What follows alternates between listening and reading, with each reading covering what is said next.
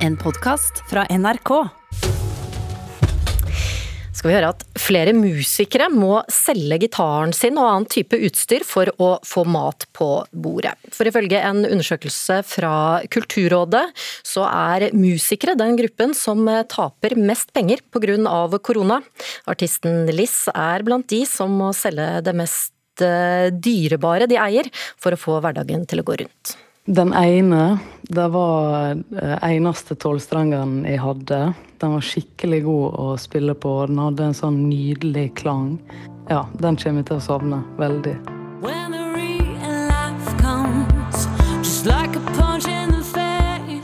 Artisten Liss fra Sunnmøre hadde vært fulltidsartist i seks år, fram til koronabølja slo over landet.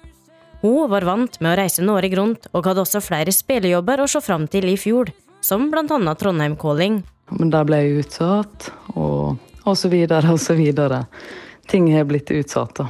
Koronasituasjonen førte til avlyste konserter og tapt inntekt, og nå er hun blant flere musikere som må selge utstyr og instrument for å få penger i kassa. Så langt har hun solgt tre gitarer. Det er ikke noe gøy. Det er nå på en måte babyene mine, og alle gitarene har sin egen historie og sin egen sang som er blitt skrevet. Ikke alle gitarene er like gode, men de betyr likevel noe, da. Også musiker Bård Helgerud, som bl.a. spiller i The Beatles tribute-bandet The Daytrippers, kjenner på hvor ille økonomien er. Det er veldig kjedelig at man må begynne å selge ting for å få råd til ting. Ja.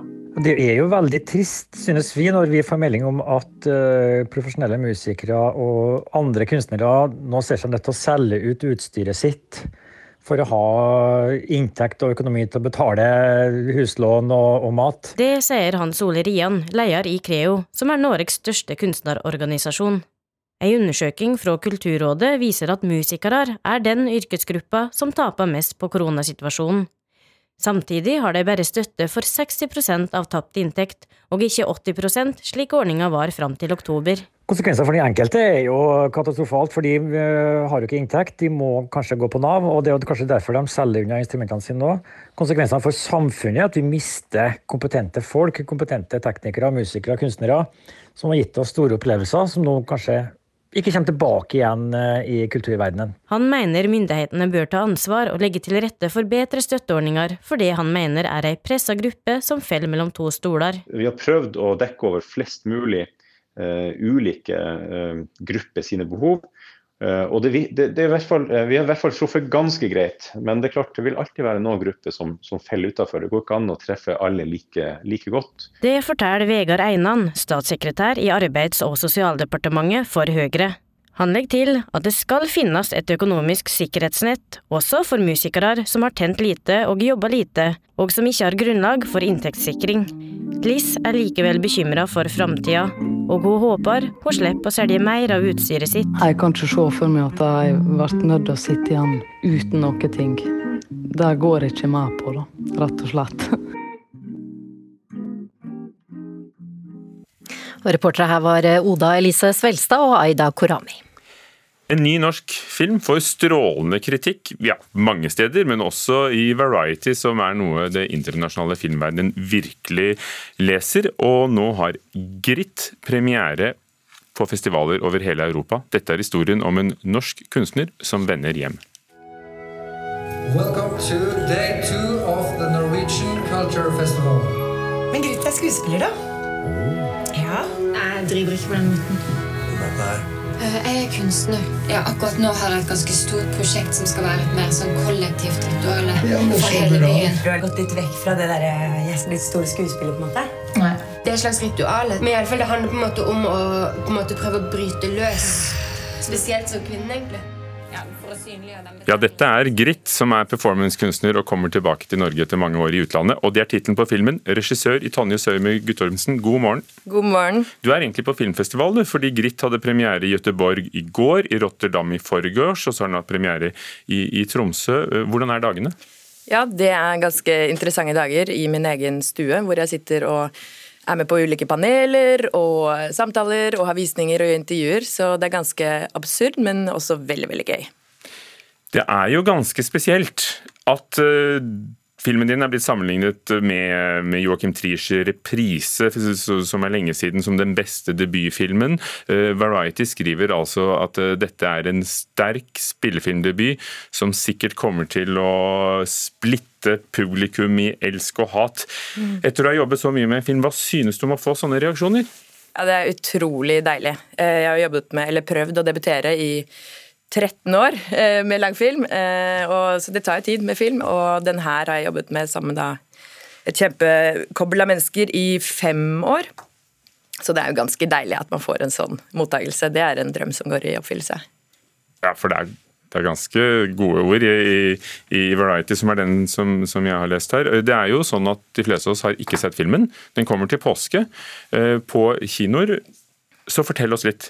Hvem er denne Grit som Birgitte Larsen spiller?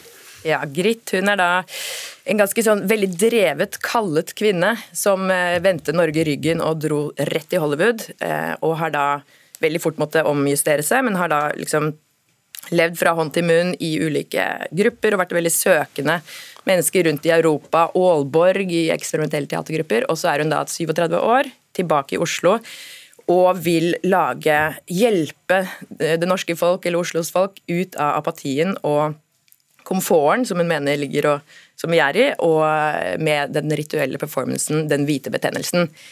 Det får hun mye motstand på. Og involverer flyktninger? Blant annet flyktninger. og altså Det kommer mer etter hvert. fordi i utgangspunktet vil hun ha hele Oslos befolkning til å liksom holde hverandre i hendene rundt Oslofjorden kledd i hvitt, for å synliggjøre da den betennelsen som hun mener ligger i oss. Men det får hun umiddelbart avslag på. Eh, så blir hun jo da, prøver hun å finne andre veier og blir mer og mer desperat. og tar, ja, eh, tar noen snikveier, brenner noen broer, og så er hun jo hele tiden blakk og har ikke noe sted å bo. Så, så dette blir jo bare vanskeligere og vanskeligere. Men hun velger å ikke fokusere så mye på det, men hun holder hele tiden fokus på prosjektet. Kunsten. Det er spesielt. Kunsten! Er det en satire? Det er ikke én satire, men den har definitivt satiriske elementer. Folk, eh, det er mange med som spiller på en måte versjoner av seg selv. Kulturoffentlige personer. Flere ja, altså Teaterregissør Lars Øyno og flere andre er seg selv. Du har selv drevet med performancekunst. Er, er det din egen historie? Det er ikke min egen historie, men det er helt klart eh, bundet fra kanskje samme type fremmedgjøring og smerte når man går og, og ser, altså vil utrette noe som ikke gir resonans. Da. Eh, det kan være ganske, en ganske sånn isolert opplevelse. Så, så, det er klart, eh, det bygger nok på en del sånn eget blod. og klart Jeg har også vært veldig fattig i tider hvor jeg, før jeg liksom klarte å lage noe som ga mening for noen. Så, men det er veldig fiksjon, og, og alle som spiller seg selv er fiktive og, og, og gjør liksom altså Lars Øyno sitt nye stykke er det på en måte jeg som har sagt hva som skal være. Så, så det er ganske frekt. Men, eh, men, de som har vært med, har vært med med godt humør. Gritt eller Gry Jeanette, eh, som hun het før hun ble kunstner, er vel ikke sånn umiddelbart sympatisk? Ikke, ikke lett å like. Gjør du narr av henne, eller er du glad i henne? Og Jeg er så glad i henne. Jeg støtter henne, jeg heier på henne, og jeg syns eh, hun er lett å Altså Hun er vanskelig å like, men vanskelig å like er jo enda bedre på en eller annen måte. Sånn at eh, jeg heier på henne, og, og jeg er glad i alle i filmen. Men jeg er klar over at den, og vil, det er et ønske at folk skal lure litt på hva de føler med henne og ikke, og kanskje stille seg noen spørsmål om hvorvidt vi dømmer andre litt for kjapt, eller om vi gir andre nok eh, frihet og rom til å liksom være seg selv på, med, på godt og vondt. I Tonje Søymer eh, Guttomsen, Gritt kommer da på kino ved påsketider i slutten av mars. Ja, Hvilke forhåpninger gjør du deg til at vi alle kan flokke sammen på kinoene og stimle sammen og se filmen din? Og Jeg er så optimistisk på det. For det er jo påske, og det er jo oppstandelsestid, så da kanskje gjenoppstår kinoene. Om så for noen uker, kanskje det svinger igjen, men så kommer det og kommer det i rykk og napp, tenker jeg. Så det blir bra. Kanskje de sikrer filmen din Gritt et langt liv? Ja, det kan man håpe på. Takk skal du ha, regissør i Tonje Søyme Guttomsen. Du får haste videre. Du er jo egentlig på filmfestival ja, i Gøteborg. Det er sant. Rotterdam. Rotterdam i dag. Unnskyld. Ja.